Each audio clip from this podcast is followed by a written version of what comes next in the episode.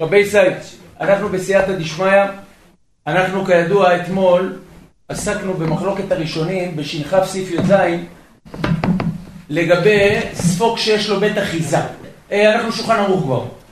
למעשה, הגמרא הקדושה, שבת דף קמ"ג עמוד א', הגמרא הקדושה והטהורה שלנו דנה לגבי ספוג, אם מותר בעצם לקנח בו, לא לסחוט, רק לקנח. אתם זוכרים שאתמול נתנו כללים ברורים שבכל דבר שיש איסור סחיטה, יש איסור ניגוב אף ללא סחיטה. ופעמים יש איסור מגע עם מים אפילו בעקיפין, כדי שלא תבוא לסחוט. כמו שראינו בסעיף ט"ז לגבי להדיק מוכן על פי הפח. אז ראינו. בי"ז הגמרא בקמ"ג עמוד א' מלמד אותנו שלמרות שיש איסור סחיטה בכל בגד שאני סוחט על מנת להשתמש במשקים ואיסור מלבן בכל בגד אם אני סוחט כדי שהמשקים ילכו לאיבוד אבל לכבס את הבגד נחלקו רבותינו הפוסקים מה הדין לגבי ספוג? אתם יודעים מה זה ספוג נכון רבותיי? אנחנו נראה פה פירושים מה זה ספוג משהו מצחיק כן. זה פוני של איזה דג נראה פה. פוני של דג כפשוטו אז למעשה איזה דג סטייליסט כזה עם סירוק לצד כזה אז למעשה הספוג רבותיי יקרים האם מותר לי עכשיו יש לי מים רטובים מים רטובים, מים זה רטוב, כן? יש לי מים, אני רוצה לקחת ספוג ולהניח אותו על גבי המים. שימו לב, לא לשחות, סך הכל להעביר בצורה עדינה. זאת אומרת הגמרא קמ"ג עמוד א' ושנכף סעיף י"ז שהדבר אסור. אפילו אם אני לא סוחט את הספוג, תגיד לי למה?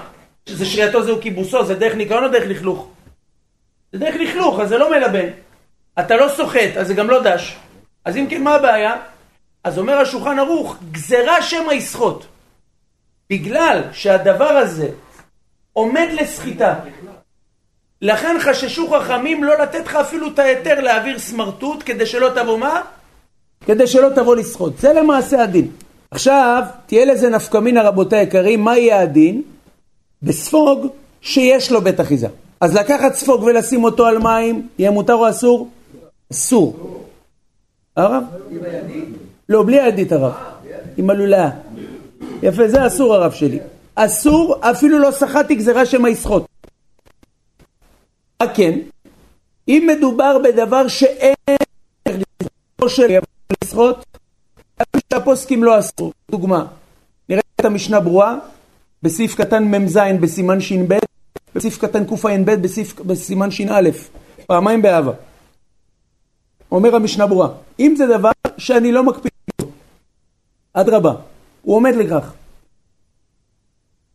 משנה ברורה, כל עוד שהוא לא יבוא לידי סחיטה ודאית בידיים, אין איסור לנגב איתו. לדוגמה כותב המשנה ברורה, עכשיו יש לי מגבת שהיא מיועדת לניגוף כלים. הרב? זה בתקופות של פעם הרב, של לפני המקובלים. מגבת. איזה מגבת כזאת, או שאתה שם מגבת מתחת לכלים, אתה מכיר את זה? מגבת מתחת לכלים. עכשיו מה קורה? כן, עכשיו מה קורה?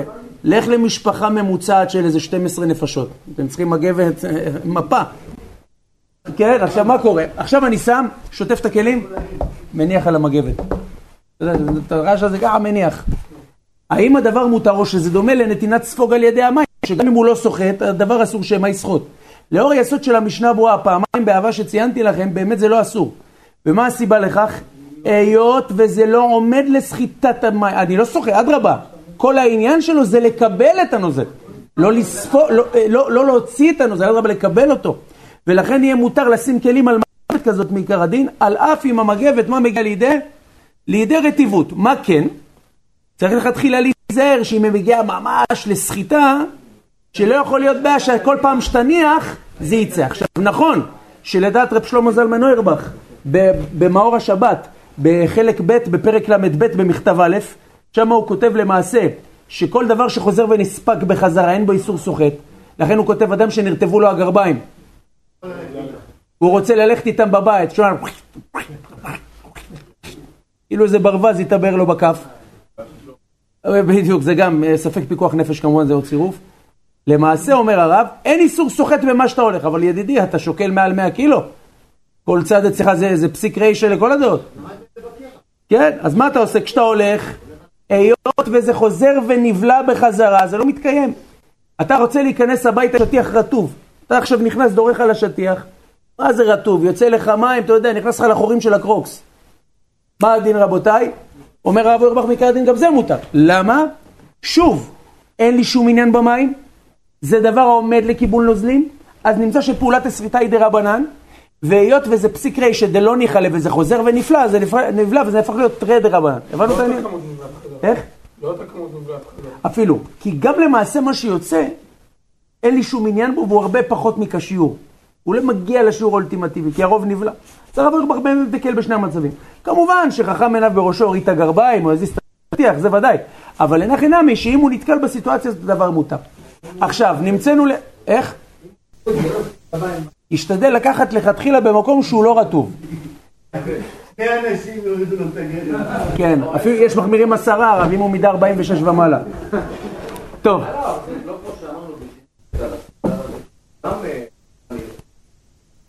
נכון, כי שם אבל רבן אתה לא נוגע פיזית, פה אתה יש לך בעיה שכל תנועה שלך ממש סוחטת. פה אתה רק שופך. כן, אבל זה לא יוצר פעולה של סחיטה ממש. פעולה של סחיטה זה ביטוי שאתה דוחק את הבגד. אין עליו איזה לחיצה. זה יכול להתבטא בזה שאתה דורך עליו, אבל לא בזה שאתה שם עליו משקיע. למה? כי זה בגד שאני מקפיד על מימיו, זה הנקודה אבל. נכון, אני לא מקפיד על מימיו, לכן אומר המשנה ברורה, ש"א סעיף קטן קע"ב, שבאופן כזה זה מותר. עכשיו, בואו נמשיך הלאה רבי ישראל. נמצאנו למדים, פה מדובר בספוג, כן? שהספוג הזה הוא סופג בצורה ודאית, והדרך מה לעשות? לסוחתו. עכשיו לפי זה, אם יש לו בית אחיזה, נחלקו רבותינו אם הדבר אסור או מותר. מה זה בית? יש לו ידית. אני לא תופס את הספוג ככה, אלא יש ידית, ואני עם הידית לוחץ על הספוג, מנקה בצורה כזאת. זה יכול להיות מג"ב, מג"ב של השיש, הקטנים האלה. עכשיו תארו לעצמכם שכל התחתית שלו יספוג. יש כאלה. עכשיו אני רוצה כזה ככה. לא יודע, יש נשים שזה שיוויתי. לנגדי תמיד, תמיד אה, בשלוף. האם הדבר מותר, האם הדבר אסור, מה הצדדים? למעשה. אם יש לו בית אחיזה, ראינו בשולחן ערוך סעיף י"ז אצלנו, שהדבר מותר. ספוג, אין מקנחין בו, אלא אם כן יש בו בית אחיזה, גזירה שמה? יסחוט. עכשיו, נחלקו רבותינו הראשונים... לא, אני חושב שזה עדיין אסור. נראה שזה אסור. כן, כן, נראה, נראה עכשיו שזה אסור, אבל בוא נבין את הצדדים. תגיד לי, כבוד הרב, זה משנה אם אני סוחט ככה, או שאני סוחט ככה? פה ופה, לכאורה, זה... זה... הלחץ של הכוח שלך. או, נכון. אז שאלה, רבותיי, היא לעצם מחלוקת ראשונים. הרמב"ם פרק כ"א, פרק ב', הלכה י"א, פרק ט', הלכה י"ב. הרמב"ם בכל המקומות הקדושים והנפלאים האלה, להסבר הרב המגיד, וכך מבואר ברש"י בקמ"ג עמוד א' מבואר, שהטעם להשתמש בבית אחיזה הוא מסיבה פשוטה, שהוא לא פסיק רישא שהוא סוחט. היות ויש בית אחיזה, אז אתה לא מפעיל את כל הכוח על הספוג. אתה מפעיל את כל הכוח על הבית אחיזה, אז זה מוריד את מה? זה מוריד את רף הוודאי סחיטה, זה מוריד אותו, זה לא מאה אחוז. וממילא כיוון שזה לא מאה אחוז, יפה מאוד הרב, זה כמו דבר שאין מתכוון, מותר. כן, לשיטתם, כן, לשיטתם זה מותר. הרי אתם זוכרים שראינו מחלוקת, אני, אנחנו ראינו רבותיי שני גדרים עיקריים בהלכות שבת. ראינו, שבת כ"ב עמוד א', כ"ט עמוד ב', מ"ו עמוד א', שם הגמרא אומרת לגבי דבר שאין מתכוון, שאם אדם עכשיו עושה פעולה מותרת, שאולי תגרום לפעולה אסורה, הדבר מותר גם אם היא תיגרם הפעולה אסורה, הדבר שאין מתכוון. אדם שגורר כיסא או ספסל לא כבדים, והרצפה קשה. יכול להיות שהוא יעשה חריץ, גם יכול להיות שלא. מותר לגרור את הספסל הזה. למה? כי זה לא ודאי שהוא יעשה חריץ, ועל הצד שהוא יעשה, הוא אינו, אינו מתכוון, אין לו שום עניין בזה. עד כאן ברור? פסיק רישה, כן, הלכה כרבי שמעון, לא כרבי יהודה בזה. בדיוק. פסיק רישה אנחנו מדברים באותה סיטואציה, פעולה מותרת שתגרום לוודאי פעולה אסורה. שימו לב, זה ההבדל. בדבר שאין מתכוון זה אולי יגרום. בפסיק רישה מה? זה ודאי. אני רוצה עכשיו, אדם רוצה לפתוח מקרר. מותר לפתוח מקרר? במהות זה פעולה מותרת.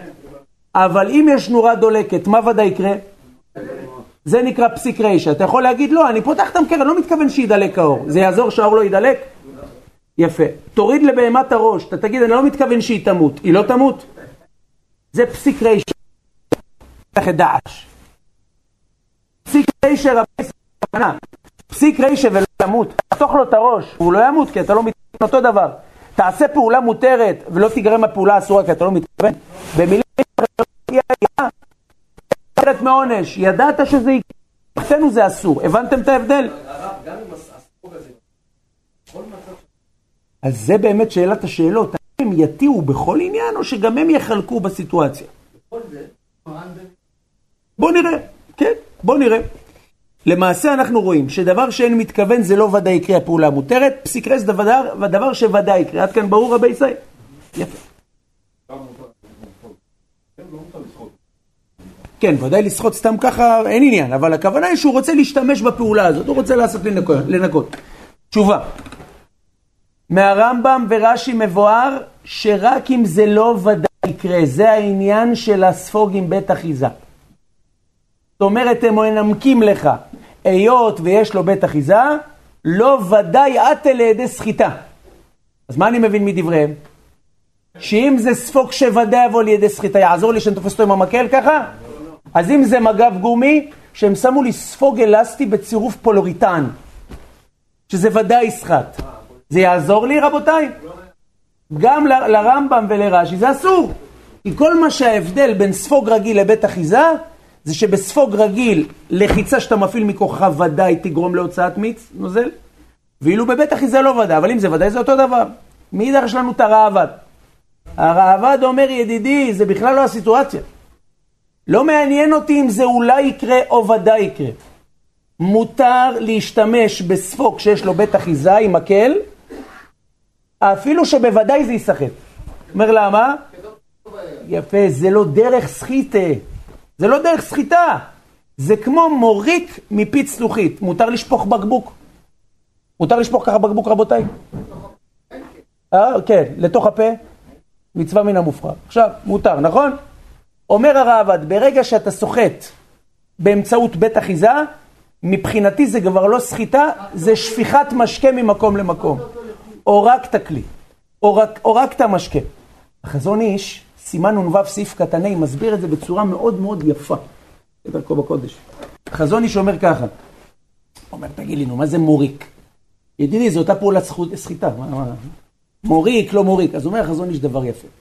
למעשה, נלמד בעזרתו ידבח בסימן שי"ג סעיף א' וסעיף ו', שיש איסור מן התורה, יש איסור מן התורה לחבר דבר לקרקע בשבת. איזה איסור זה? בונה.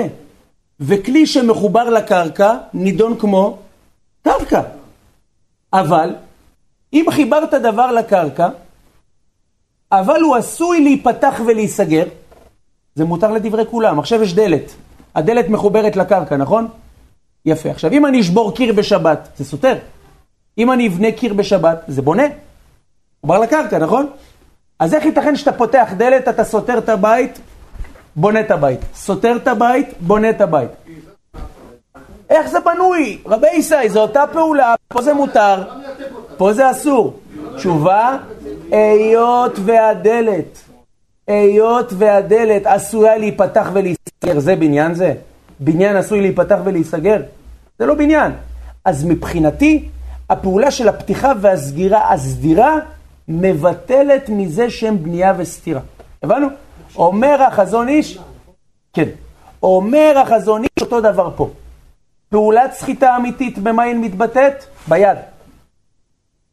השתמשות בספוג על ידי בית אחיזה, היות ויש לי איזה מקל שאני עושה את זה בצורה כזאת, מה קורה? המים בפנים הם לא בטלים, הם לא נהפכים להיות חלק מהספוג. הם לא בטלים. כמו שהדלת לא בטלה לקיר שהיא מחוברת עליו כי עשויה להיפתח ולהיסגר. הבנו את העניין? ממילא לדעת החזון איש, חופשי על הטול, אם באמת אנחנו לפי הטעם הזה של הרעב"ד. זאת אומרת ככה, כמו שהדלת עכשיו היא מחוברת לקיר, נכון? הדלת מחוברת. איך אתה פותח וסוגר דבר שמחובר לקיר? זה בונה וסותם. אומר הרב, כיוון שזה עשוי להיפתח ולהיסגר, הדלת לא בטלה. אני דן את הדלת כמו כלי למרות שהיא מחוברת. למה? כי אני משתמש בה, אותו תשמיש. אומר החזון איש, ספוג עם בית אחיזה, כיוון שזה לא דרך, המים הם לא בטלים, הם לא נהפכים להיות חלק מהספוג, שבמידה ואם אתה תלחץ, אתה תעבור על סחיטה. אלא מה? מבחינתי זה כאילו אתה לקחת כוס מים ואחסנת בתוך הספוג. הוא מסביר את הראב"ד. הוא מסביר את סברת הראב"ד ממה זה בנוי. אתם הבנתם או לא הבנתם? החזון איש ככה מסביר את הראב"ד. או, עכשיו, להסבר, להסבר של החזון איש, תצא לנו פה כולה מאוד חשובה. אם אני אומר שמבחינתי המים הם לא בלויים, הם לא בטלים לספוג, לכתחילה אני יכול לשחות. לא רק אם זה קרה, לכתחילה. הבנו? זה כביכול מה שיוצא לרבד. עכשיו, מה קורה? אני לא רוצה להרוס לכם את ההתלהבות, כן, אבל אה, אנחנו למעשה אוסרים את זה. למעשה מרן בסעיף י"ח מלמד שמסתמכים על הראב"ד בהצטרף תנאי נוסף, שזה הולך לאיבוד. המים. אבל אם הם לא הולכים לאיבוד, וניקיון זה גם לא נקרא הולך לאיבוד, למה? כי יש לי חפץ במים שיוצאים. אני עכשיו לוקח מגב ואני מנקה איתו את הרצפה, או שאני מנקה איתו את השולחן, והוא גורם לפיזור המים על השולחן, תגיד זה הולך לאיבוד. יש לך עניין בזה. יש לי עניין, בדיוק. זה לא נקרא הולך לאיבוד. יש לי תועלת במשקה התופח על השולחן. בדיוק. אז מבחינתי, זה, למרות שזה הולך לאיבוד, זה לא לאיבוד. זה הולך לכיבוד אבל רגע, אבל אם יש מהסעודה, משהו אותו להסיר לזרוק. לא, אני אגיד לך מה הבעיה יהיה פה. לרמב"ם ורש"י, אם זה פסיק רישא, לא מעניין אותי אם זה הולך לאיבוד. רק לראב"ד ולתוספות, שזה הולך לאיבוד אין איסור, ולראב"ד אם זה בטח זה מותר, אבל אמרנו שהשולחן ערוך נראה בסעיף י"ח, מה אומר לך ידידי? אני לא לוקח את הראב"ד אם בהצטרף תנאי נוסף. מה? שאין לי שום תועלת בפעולה. אין מצד שהמים הולכים לאיבוד, אין מצד שזה לא, הפעולה של הסחיטה לא, אה, איך אומרים, עושה לי את האינטרס שלי. כשאני עושה פעולה כזאת, מה אני עושה? אני מנקה את השולחן. זה לא משנה אם המים גורמים לניקוי השולחן, או שאני מסלק את הנוזלים שיוצאים ונכנסים חזרה. בדיוק, הבנו, יש לי אינטרס. רק אם אין אינטרס כלל, כמו שנראה בסעיף י"ח הדוגמה שמה, באופן כזה אנחנו נסתמך בבית האחיזה. אז יפה הרב, אני אתן לך דוגמה. פעם היה דבר שקוראים לו ברזה. ברזה. חזק וברוך הרב. היה חביתוש, לחבית היה ברז, זה כמו חתיכת ברזל כזאת, שהייתי דוחף, תוחב לנקף של היין, ואז פותח, תוחב פותח. היו כאלה שהיו עושים את הברזל לא מברזל, היו עושים אותו מפשטן, או עם מוח עם צמר כזה, ואז תוחבים בכוח עם ברזל. עכשיו, הברזל פה, אבל מה אתה תוחב לה בפנוכו? את המוח. עכשיו, מה קורה? כשאתה תוחב, מה יוצא לך? יוצא לך יין שנתקע בספוג, ומכוח התחיבה בחוזק שלך הוא נסחט מהספוג. אז תגיד לי, מה הבעיה? בית אחיזה! לרב"ד זה מותר. אומר מרן לא. אתה יודע באיזה אופן זה יהיה מותר רק? רק באופן שהטיפות יורדות לרצפה והולכות לאיבוד. אבל אם אתה, יש כאלה חסכנים, מה הוא עושה הרב? הוא שם כלי ריק למטה, פיילה בטפורטונה הרב, וזה פיירקס. כל איזה תחיבה, צובר, שופך לחביתוש. הבנו? זה גם אסור. כי זה נדחף כבר בספוג. ברגע שזה נדחף בספוג זה כבר מציאות אחרת. הבעיה שלנו, מה שיוצא מהספוג הרב. מה שיוצא מהספוג הוא מציאות. רק אם הספוג נמצא תחוף בתוך היין. אבל אם הספוג זה היין, זה הספוג ויש מרווח, גם אם זה נכנס בפנים זה אסור. רק אם הוא כל הזמן מחובר. אם יש מרווח קטן ביניהם, גם אם זה לבפנים זה אסור. הבנו רבי ישי?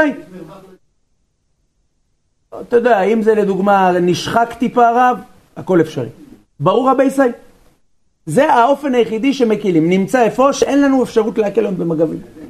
אתה לא יכול לקחת מגב היום ולהסתמך. עכשיו, להגיד לך שמי שישתמש במגב, או בגומי, או שהוא ישתמש לצורך העניין בכל הדברים האלה, להגיד לך שהוא חילל שבת גמור? אנחנו לא יכולים להגיד את זה, יש לנו כף זכות גדול עליו, ברוך השם. סומך על הראב"ד. דוד איתמר ביטון, זה גם ראב"ד, אם אתה מוסיף רש. זה בשעת לא... ודאי שלא, ודאי שלא. זה רק לימוד זכות על אדם שלא ידע ועשה. הוא בא לשיעור הרב, שמע את ההלכה, אומר לך, וואי, מה, אני צריך סקילה למפרע? אז אני אומר לו, בטח, צא בחוץ, הרב, כולם זורקים עליך בשמונה וחצי, חסוס. תשובה שאין בעיה. אה? זה הסיבה.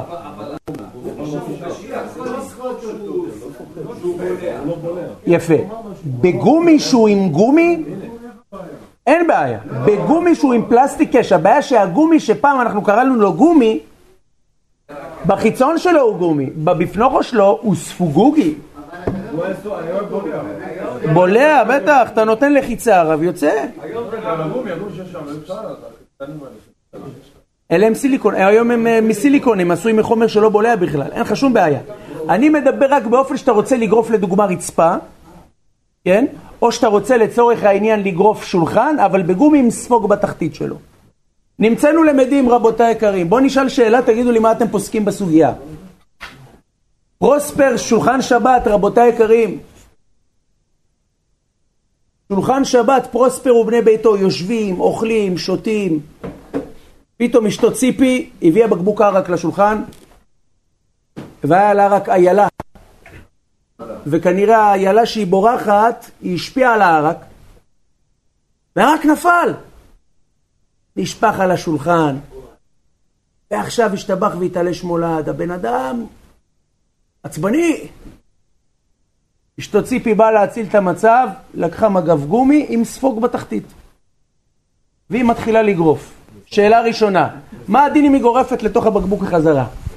שאלה שנייה, מה הדין אם זה הולך לאיבוד? בכבוד רבי ישראל. בכבוד! עכשיו חבר'ה, אתם צריכים לשאול אותי ישר. שאלה למי? לראב"ד, לרמב"ם, לרש"י. כן. לא, הוא קדח מבעוד יום הרב. הוא קדח.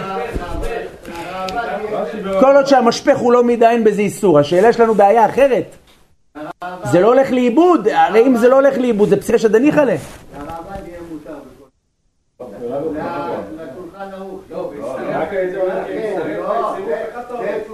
זה השולחן ערוך, נכון.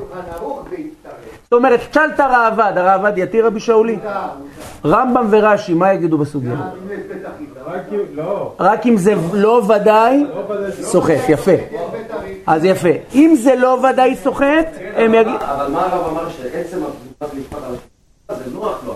זה שולחן ערוך. זה הנפקא מינה שתהיה למרן בהצטרף כל הנ"ל. זאת אומרת, מרן שהתיר בבית אחיזה, בסעיף י"ז הכל נראה זורח. אתה כבר רואה, איך אומרים, איך הבית נקי עוד לפני סעודה שלישית. פתאום אתה ממריא לי"ח, אתה מקבל את הפינצ'ורית הקטנה, מרן אומר לך, תשמע ידידי, אל תתלהב. כל מה שאמרנו זה דווקא באופן שמה שנסחט מכוח הבית אחיזה הולך לאיבוד, אין בו שום תועלת. עכשיו מה קורה? תגיד לי בסדר. אז אם תגיד לי שמה שנסחט לדוגמה, אתה לוקח איזה כלי כדי לקבל אותו, אתה אומר בסדר, התשובה היא לא. גם אם יש לי תועלת מהדבר הנסחט לנקות, פעולת הסחיטה זה נקרא צורך. הולך לאיבוד הכוונה, כלם פאדי, אין לזה שום חיר, לא תועלת ולא שמירה ולא כלום. רק באופן כזה. כדמיון, תחיבת הברזה שהטיפות יורדות לרצפה וזה הולך לאיבוד. עד כאן ברור רבותיי היקרים? כן, לדחוף את ציפי לברזה. כן, למה לא? איך? מה הבעיה אבל? עד שהוא מגיע לפח הוא נספג, נכון? ועל ידי הפעולה של הלחיצה, מה אתה עושה? זה עוזר לך מה? או לניקיון השולחן או לסילוק הערק מהשולחן. אז יש לך תועלת מהדבר היוצא. גם תועלת ניקיון היא תועלת, זה כביכול הטענה. שאלה מצוינת הרב, יש פתרון קליל. קודם כל. קודם כל יש ארבע אפשרויות הלכתיות, מטכליות, איך להסתדר עם הסיטואציה. נייר. חזק הרב. סיטואציה ראשונה באמת, לשים הרבה נייר. כאלה מהלחץ שלו עולה סחיטה, אתה יודע, הוא שם, הוא הופך את הכלב גם באריזה. שם נייר בכמות יפה שזה לא יגיע לוודאי סחיטה. תגיד לו, מה, אין סחיטה בנייר? אז אמרנו, מה שאגרות משה חלק ב' סימן עין אמר אין סחיטה בנייר, הכוונה דווקא בנייר שאיננו הרואות שהוא לא סוחט, כמו דף של מדפסת הישנים האלה, או פרגומנט, על זה הוא דיבר, בנייר סופג שלנו, לי לי לי לי כריות הרב. ודאי שזה סופג, רק זה דרבנן לא דאורייתא. כן. הרב? יפה מאוד. הנפקמינה שתהיה, אם אני רוצה בכוח לקחת את הנייר, אתה יודע, ו... הבנת? יפה, מה הדין? מותר. תגיד לי, רגע, מה עם שרייתו זהו כיבוסו? אין. מה עם גזירה שמא יסחוט? תענו לי בבקשה. אין, כי אני לא מקפיד על מימיו, אדרבה, רוצה שהוא יקבל את המים ואני אזרוק אותו. הבנו? אז בנינו פה מגדל בסייעתא דשמיא, שבכמות של ניירות מותר. תנו לי כיפאק, רבותיי. יפה. יפה מאוד, הרב. סיטואציה מספר 2. לקחת מגבת, לקחת מגבת, שאני לא מקפיד על ניקיונה, ואני לא מקפיד על סחיטת נוזליה. או סמרטוט שהוא עומד רק ללכלוך לספיגת נוזלים, או מגבת גדולה וכדומה. אבל גם פה, מה אני צריך להיזהר? כן, יפה. רק פה מה אני צריך להיזהר? לא, לא, כן, לקחת אותו לבנק טפחות. לא להביא אותו למצב שהוא רטוב בכל עניין שאם תרים יש את הבעיה של ודאי סחיטה. להשאיר איזה פינה שתאכל מה? להרים. מה כן גם צריך להיזהר? אם הוא מלוכלך, באופן שיש לך תועלת מזה שהוא מתנקה, אם אתה תשים אותו לתירוץ אחד של התוספות שלמדנו אתמול, אתם זוכרים? יכול להיות פה בעיה של ניקיון, בדיוק.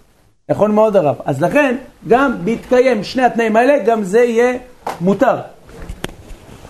בסדר? כן הרב, זה מעלה את הסודות לעומק. בסדר? זה סיטואציה מספר 2. לא, לא. לא, לא, אנחנו סעיף י"ז בשולחן ערוך. על כל פנים, פתרון מספר 3. אפשרות נוספת רבותיי, כן, גומי או דבר שאין בו סחיטה, דבר יפש. גם רצפה. ברצפה נלמד של"ו סעיף א' ב' מצד רחיצה. נכון. השולחן ערוך כותב, על פי פסחים ס"ד עמוד ב' ומרן בשל"ו סעיף א' וב', אסור להדיח את הקרקע בשבת. אסור. אסור, חכמים גזרו. אבל במה דברים אמורים? לאו דווקא בספונג'ה עם סחבה. אפילו אתה משתמש בגומי מהדרין, טבול, טבלת אותו גם במקווה לפני שבת. ואתה רוצה עכשיו לעשות איזה ספונג'ה, אסור. למה? חכמים גזרו שאסור להדיח את הקרקע, למה? שמא יבוא לטאטא ולהדיח קרקע שהיא לא מרוצפת, ויבוא על איסור השוואת גומות. אז יפה, הטענה של איפה יש היום, היא מתירה לנו להתיר לטאטא את הבית. זאת אומרת, פעם גם לטאטא את הבית היה אסור במרוצף. מרן בשל"ו סעיף א' רבי ישי כותב שהיה אסור מעיקר הדין לטאטא, לטאטא קרקע מרוצפת. למה גזירעת הוא שאינה מרוצפת? תלוי, יש קצת מחלוק, נראה בדעת, ביאור הלכה בדעת הרמה שם, שגם בדעתם. הביאור... אה? יפה, זה חוזר לאותה נקודה. רגע, אני עכשיו למגבון, אני, באמת זה פרק בפני עצמו, אני אגע, אני... כן, אני אנמק את הנקודה של המגבון רבי ישראל. בואו רבי ישראל, תנו לי, מבטיח לכם, ספק אחד לא יישאר לכם בכיס רבי ישראל, ספק אחד, רק תנו לי דוכן שטוכן. בואו שימו לב, רבותיי, סיטואציה שנייה. אם למעשה עכשיו, אדם, היום בימינו, רוב הקרקע בעולם מרוצף. כותב הביאור הלכה בדעת הרמה, בשל"ו סעיף א', שהיום היות והרוב מרוצף, אז אין כבר את הגזרה של אטו אינו מרוצף, ומותר לטאטא בקרקע מרוצפת. לכן היום מותר לטאטא בקרקע מרוצפת. הבנו? אז הרמה מביא, יש מחמירים, זה נגיע לשם לדבר על זה. אבל היום מותר. מכל מקום, בסעיף ב' מרן כותב, עדיין נותר איסור הדחת קרקע. זאת אומרת, לשטוף קרקע מרוצפת. עדיין נותרה הגזרה בעינה, תגיד לי למה? למה רבו ישי, אם אתה אומר לי מרוצף, אם זה אותו, אם it's the פחל פחל, אם זה אותו דבר, אז פה רוב קרקע מרוצפת, פה רוב קרקע אינה מרוצפת. תשובה עונה אמר רב המגיד. אומר הרב המגיד, אנחנו הסתמכנו בסברה הזו דווקא בדבר שהוא קיומי לשבת. לנקות אה, אבק או לכלוך מהרצפה במטאטא זה צורך גדול, חכמים אמרו יאללה בוא נבוא לקראת. אבל הדחת הקרקע זה לא כזה צורך. או עכשיו בוא נשלוף אגודל. אמא בן שפח מי... או מה הדין בבתי חולים ששם הניקיון, הסטריליזציה זה קומפליקציה. כותב הרב, נגיד פטימה בחופשה. מה הדין? כוח חייזר ממשי קייזר, מה יהיה הדין? יפה, אומר השמירה, אומר השמירת שבת כהלכתה, יהיה מותר, למה? כי בכל הבתי חולים, בלי יוצא מן הכלל, מה יהיה הניקיון הזה? כמובן. אם זה פיקוח נפש אפשר גם לקחת. כן, אני אומר אפילו צורך בריאותי, זאת אומרת, הם אחד ואחד, שמע, חייב להיות נקי פה. צורך, הבנו את הנקודה. עכשיו, מה קורה? בגמרא היו פעם עושים מים בצדדים, ואז... כן, מזלפין, זה נקרא מזלפין, או מרפצין. עכשיו בוא אני אתן רבי ישי, בוא אני אגע עוד איזה נקודה קטנה. רצית לשאול שאלה הרב שלי? וואו, אז זה תיקון כללי הרב, נכון? למעשה הרב, הכי טוב קודם כל פתרון ראשון, לעבור לבקבוקי פלסטיק, הרב נראה לי. זה פתרון. פתרון שני, אז זה הפתרון. למעשה, כל מה שתרנו זה ניקיון קולקטיבי. זאת אומרת, אתה בא, אתה אומר, תשמעי, שפרה, תני איזה, זה לא. אבל בניקיון מאוד גדול ומהותי, מותר. עכשיו מה? אם אתה עכשיו צריך לגרוף אותו לכניסה של הבית, עכשיו איפה הוא נשבר? איפה שהממ"ד. בעיקר הדין גם זה מותר, למה? כי כל מה שאתה מדיח פה זה לא על מנת להדיח את הקרקע, להוציא את הלכלוך זה דבר שאין מתכוון, זה לא איך אמרנו. אור לציון אומר, טוב שבערמה תשפוך, תיטול ידיים על זה, כאילו, אל תעשה שפיכה יזומה, תעשה איזה גומה כזאת. אבל למעשה אף ללא זה, הדבר מותר בהצטרף הנ"ל. מותר להעביר, מותר לנקות, נקודתי, ולא לא כללי. כן, אבל אתה יודע, תמיד יש את השיריים. אם זה מיץ ענבים, הרב, זה אוכל את הקרמיקה אחרי עשר דקות. הרב את האור ומשאיר את השער לבוצע שבת, מה קרה? בסדר, הרב, רק- לא יעמוד שם חמש דקות כי הוא לא יכול ללכת למניין אחר כך. הוא תקוע. הרב נקי- שבברית שהייתה אצל הרב אצל הרב עובדיה בבית שלו, מלא אנשים הגיעו והיה כזה בוץ. הוא התיר. ברוך אתה אדוני אלוהינו מלך העולם שהכל נהיה בדברו. טוב רבי ישראל, אבל הבנתם עד כאן את הנקודה? רגע, אבל מרן התיר. זה זה רגע מה שהוא אמר, כן. כן. הרב נקי מספר את זה בשבת בהלכה ובהגדה. כן, הרב. שבת. בהלכה. אה? הוא לא מוקצה כי זה לא גרם מדין גרף של רי.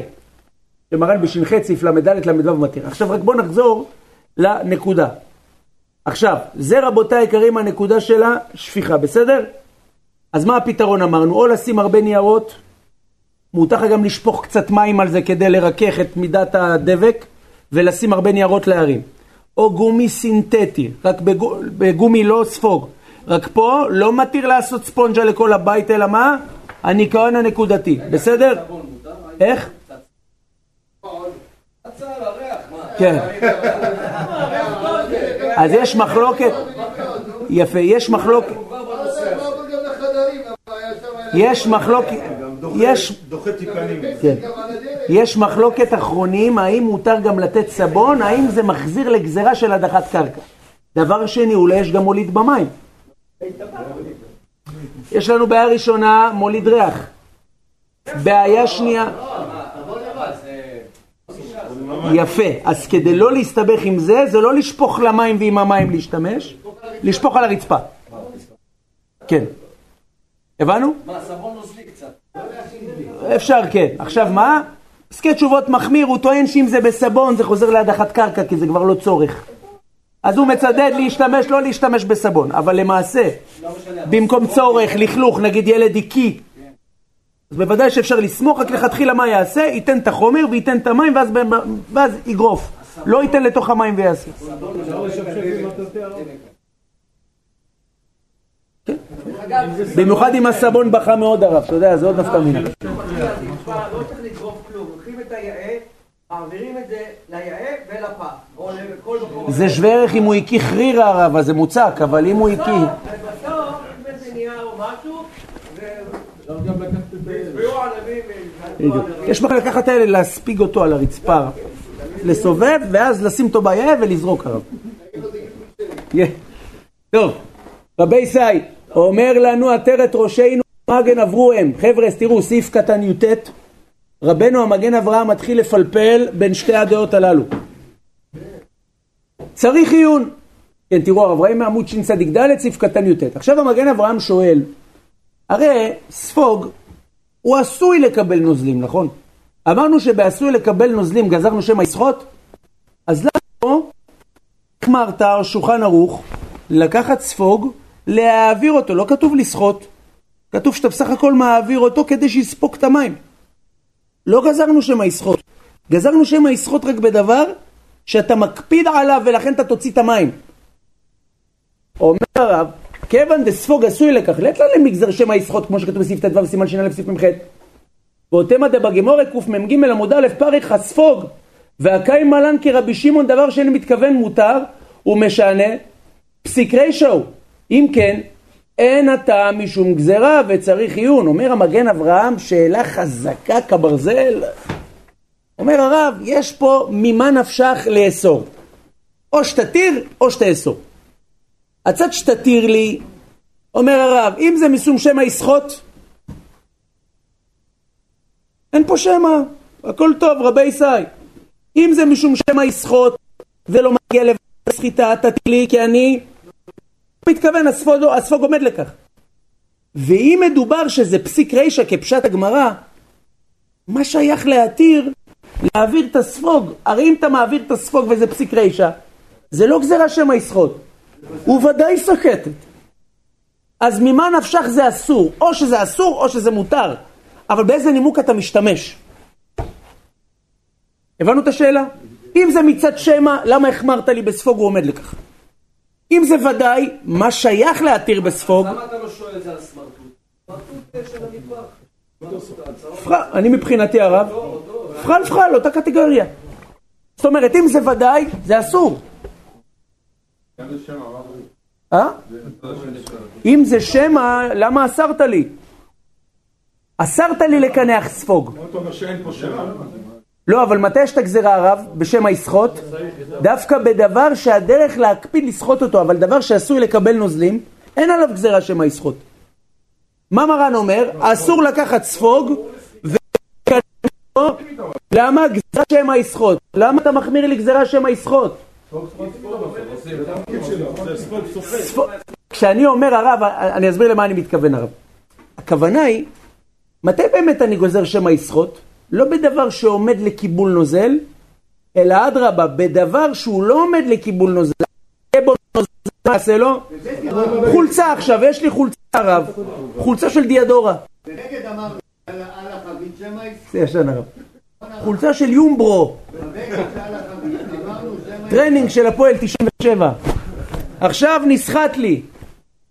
אני יכול להעביר, לקחת את החולצה הכחולה עם הפסים הלבנים ולזרוק אותה, רבותיי היקרים, על הרטיבות בשולחן?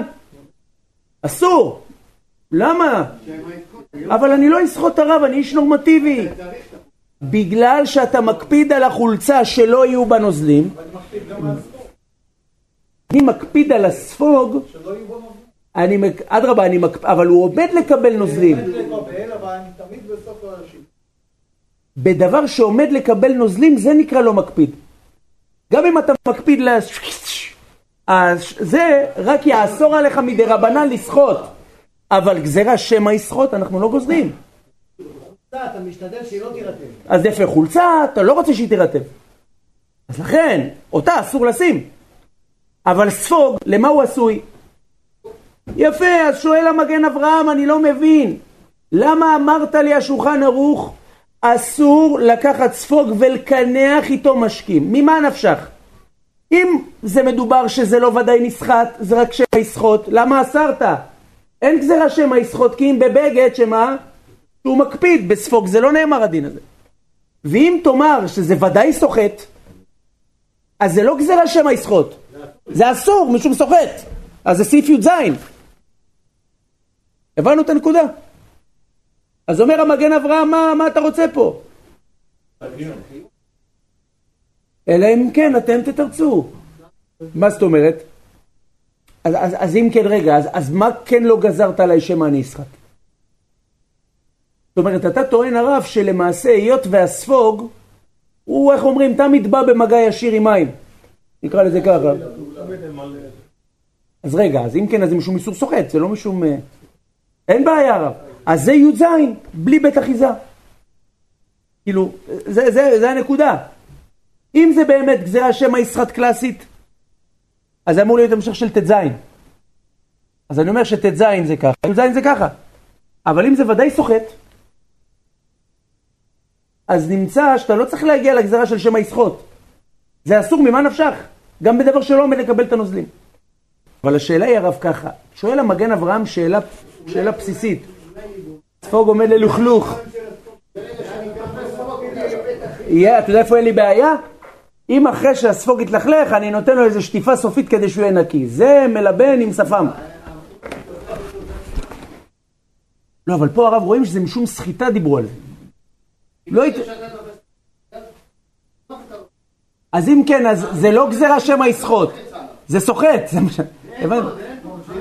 זה לא גזירה, זה איסור. הסחיטה היא ודאי סחיטה.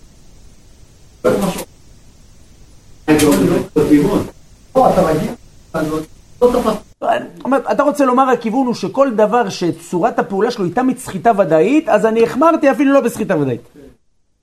יפה מאוד הרב, אתה אומר דבר מאוד יפה. אז בוא נראה, בוא נראה רבי ישי, מה המגן אברהם יאמר להגנתכם. בוא נראה מה המגן אברהם אומר, שימו לב. והרמב"ם שבת כ"ב ט"ו ורש"י כתבו, דכשיש לו בית אחיזה, אז אפשר בלא סחיטה. אבל הרעב"ד כתב דלעולם אי אפשר לקינוח בלא סחיטה. אלא כיוון שיש לו בית אחיזה, אף על פי שסחיטה ולכבריק מצוחית מים, אבל כשאין לו בית אחיזה, אסור לסוחטו עד כאן לשונו. עכשיו, זה יותר מעצים את הקושייה, למה? כי נמצא שבין לרמב"ם, בין לרעב"ד, הספוג אתה ודאי סוחט איתו. הבנו, כאילו, זה לא, לא, זה שמא. זה לא שמא. זה ודאי, כאילו, ההבדל ביניהם הוא רק בבית אחיזה. בית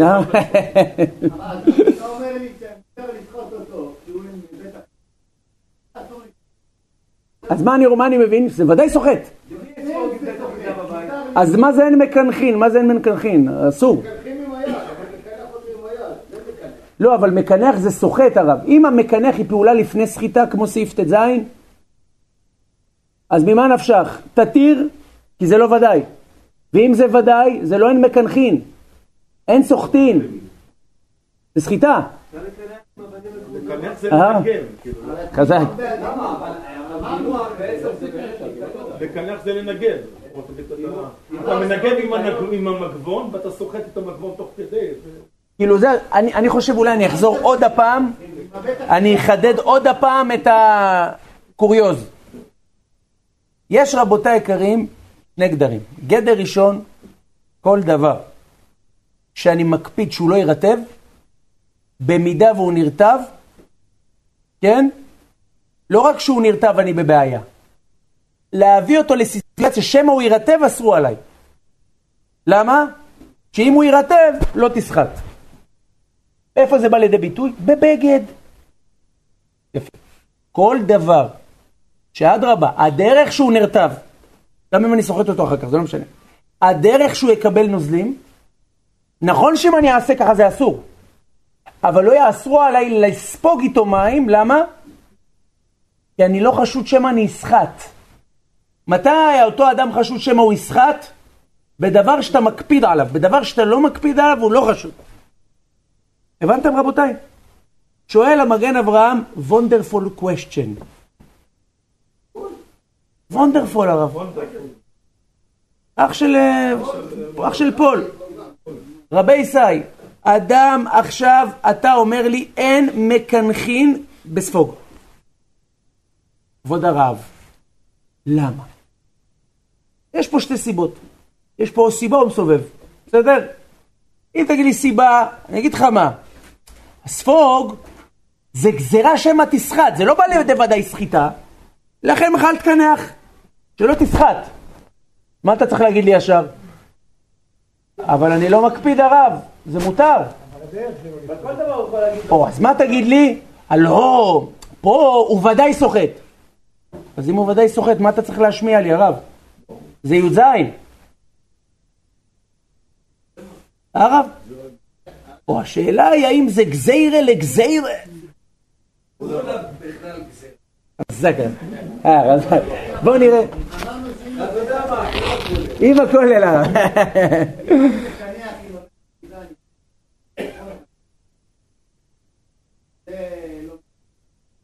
עם אני ברור.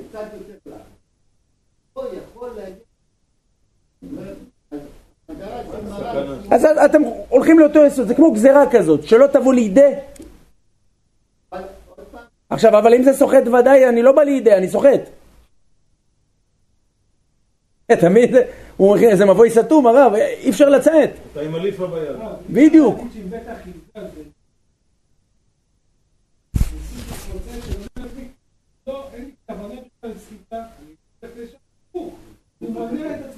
אז זהו, זה תלוי למי? לרמב"ם, בבית אחיזה כל ההיתר, כי זה לא ודאי מגיע לידי סחיטה מציאותית. אז מה אני מבין שבספוג? ודאי סוחט. ולראב"ד? לא, גם אם זה מגיע לידי סחיטה ודאית, זה מוריק. אז מה אני מבין שבספוג? אז זה ודאי סוחט. אז אם זה ודאי סוחט, מה אתה אומר לי אין מקנחין? זה אסור.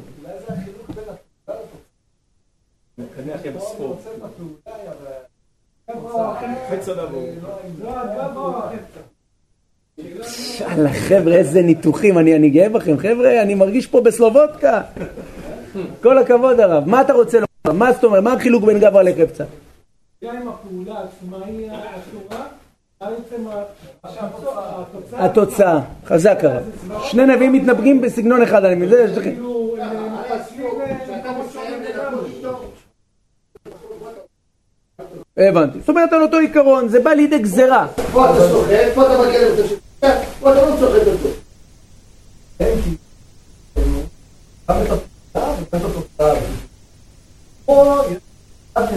והחידוש הוא שהחמרתי בכל זאת. חבר'ה, אתם אומרים את הכיוון של המהר"ל מפראג. נראה, עכשיו מגן אברהם מעתיק אותו, כן? בואו נראה. הרב? בדיוק, אבל בתנאי שהוא במעגל הרב. אם הוא לא במעגל זה מחלוקת. אומר לנו רבייני עטרת ראשייני. אומר הרב, שימו לב, וצריך עיון. דלדידה כיוון דאי אפשר לקינוח בלא סחיטה. למה התירו לקנח באלונתית כמו שכתוב בסימן ש"א סעיף מ"ח? וצריך לומר דווקא בספוג אי אפשר לקינוח בלא סחיטה, עיין סימן ש"ב סעיף י"ב, זאת אומרת אתם כיוונתם לנקודה. הנקודה היא שבספוג אפילו שאני לא רוצה, אבל כיוון שאי אפשר לעבור כי אם על ידי, אנחנו אסרנו אף שאך שלא מתקיימת התכלית. כמעט כאילו בספוג זה כמעט... אז חבר'ה, מגיע לכם עשר נקודות. בסעיף קטן כ', הוא מביא פה מהר"ל מפראג, אם תראו עכשיו, אנחנו קודם כל נראה בבית יוסף, שהוא גם אומר את אותו יסוד בדיוק. אשריכם רבי ישראל. אומר הרב, באמת למעשה, כתוב קינוח. כן? קינוח זה פעולה לפני סחיטה. אבל כאן, בקינוח הוא ודאי סוחט. אז מה קורה? יש לנו פה מצב ביניים. קינוח שאסרנו בלי סחיטה זה בבגד שאתה מקפיד על מימיו. סחיטה שאסרנו בלי קינוח זה אפילו בבגד שאתה לא מקפיד על מימיו כי אתה סוחט. אבל קינוח שהוא ודאי גם סוחט, מה הדין? החמרנו אף בבגד שאתה לא מקפיד על מימיו. למה? כי זה ודאי סוחט תמיד. אסור, זה לא איך? זה צריך להיות אסור, לא שמא. לא, זה הנקודה. יש שני מצבים, יש מצב של ככה, ויש מצב של ככה. כל הקטגוריות שדיברנו עליהן עד כה, זה או ככה או ככה. ככה מותר, ככה אסור. רק מה? מתי ככה מותר? או בבית אחיזה או בבגד שאתה לא מקפיד על מימיו. מתי ככה אסור? בכל הבגדים. אבל אפשר להגיד בגד, בגד הוא יותר, הוא לא בהכרח לסחוט. אני חושב שאפשר להגיד בספוג. ספוג, אתה- אין מצב שאתה יכול לסחוט. יפה. ואתה לא. זה לא להיות. תמיד זה הטענה. אז מה אומר לך, מה החידוש? מה אומר לך, מה החידוש? שאפילו בפעולה שהיא לא מוגדרת סחיטה. בדבר שזה ודאי נסחט, החמרנו כאילו אתה סוחט ישר. הבנו את הנקודה? תגיד לי אסור, למה תגיד לי שמה? כי השמע חוזר על המקנחין, היות בט"ו ט"ז נתת לי דוגמאות שמותר לקנח, זאת אומרת מותר לקחת את הריזיקה של להירטב למרות שיבוא לידי סחיטה. זאת אומרת, תשמע, יש עוד סיטואציה שפעולה שהיא לפני סחיטה, אבל אסרנו אותה כמו הסחיטה. שמדובר בספוג, שבו הקינוח הוא כמו ככה.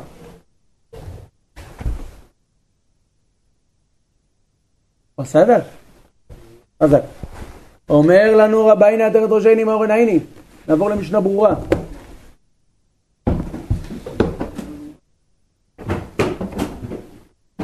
איי חבר'ה, איזה תורה, איזה תרא. שהוא סכין במים, רווי, רווי במים, אני רק מרים אותו, אין לו אחיזה. אז לכתחילה כן, צריך להקפיד מה לעשות, להרים עם עוד מישהו. שהוא לך שלא תבוא לידי סחיטה. לא כי זה סוחט, שלא תבוא לסחוט. הוא בעצמו לא יודע את הדין. אה? הוא בעצמו לא. הוא בעצמו יפרט לך זה. אז הוא לא ישאל הרב. אתה מבין הרב?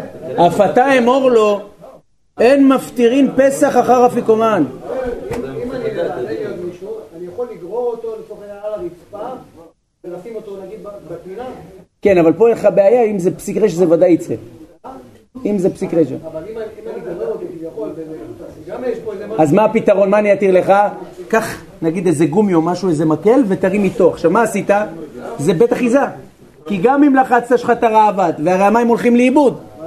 זה פתרון מספר 8. הרב יצאי? יש הרבה נפקא מינות, לדוגמה, הרבה שאלו אותי, טובלים במקווה. עכשיו ידוע שבכניסה למקווה יש לך חבילה עם צמרוני אוזניים. אממה, בתקופת החורף שיש לך עדים, הצמרונים יותר רטובים מהמקווה. מסכן הוא... עכשיו מה קורה? הבן אדם אומר לך, תשמע ידידי, אני סוחט. אומר נו, ואז כאילו אני... אתה יודע, אני זולפת. עוד שאלה, בא בן אדם אומר לי, תקשיב, אני... אדם עשה צרכיו.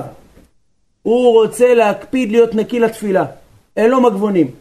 יש לו נייר טואלט, סקוטש ברייט, שזה חשש מבעיר אם הוא עושה את זה במהירות משום הוצאת גיצים, ויש לו קיסמי אוזניים. הוא רוצה לקחת קיסם, להרטיב בעדינות הרע, ומלאכת מבריג.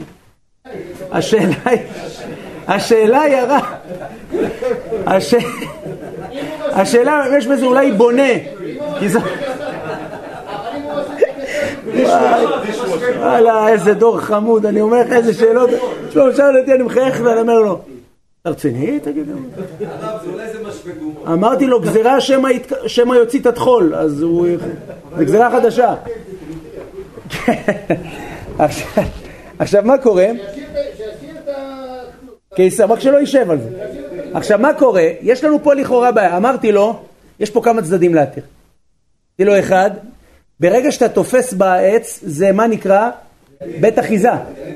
בית אחיזה. עכשיו, פה תגיד לי, רגע, אבל כשאתה מנקה, זה נוח, זה דומה לניקיון שולחן. נכון, אבל במקום כבוד הבריות, אנחנו יכולים להסתמך על המשנה ברורה בשער הציון בסימן שט"ז סעיף קטן י"ח, שפסיק רישא דלא ניחא לבתרי רבנן, זה אפילו עם סיבה אחת יש צד לומר שהיא ניחא לה. אתה לא מקפיד, לא? הבנו? יפה מאוד. אז אני לא מקפיד, אני רוצה לנקות. ומבחינתי הניקיון יכול להיות גם עם הצמרון, רק עם המים זה יותר. זה פסיק רשת דלא ניחא לבתרי דרבנן, הקלנו לו. מה עם האוזניים הרב? הרב? לא, לא באותו צד הרב. למעשה, למ- למעשה בקיסם, יפה, למעשה בקיסם אוזניים גם אפשר להקל, רק מה להגיד לו תעשה בנחת.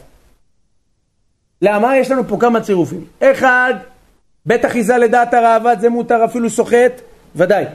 שתיים, אף לדעת השולחן שזה לא הולך לאיבוד, הרי נצרף את שיטת מרן הרב עובדיה, חלק ד' עמוד קמ"ח, שהיות ואין פה חצי שיעור, אז זה גם זה דרבנן.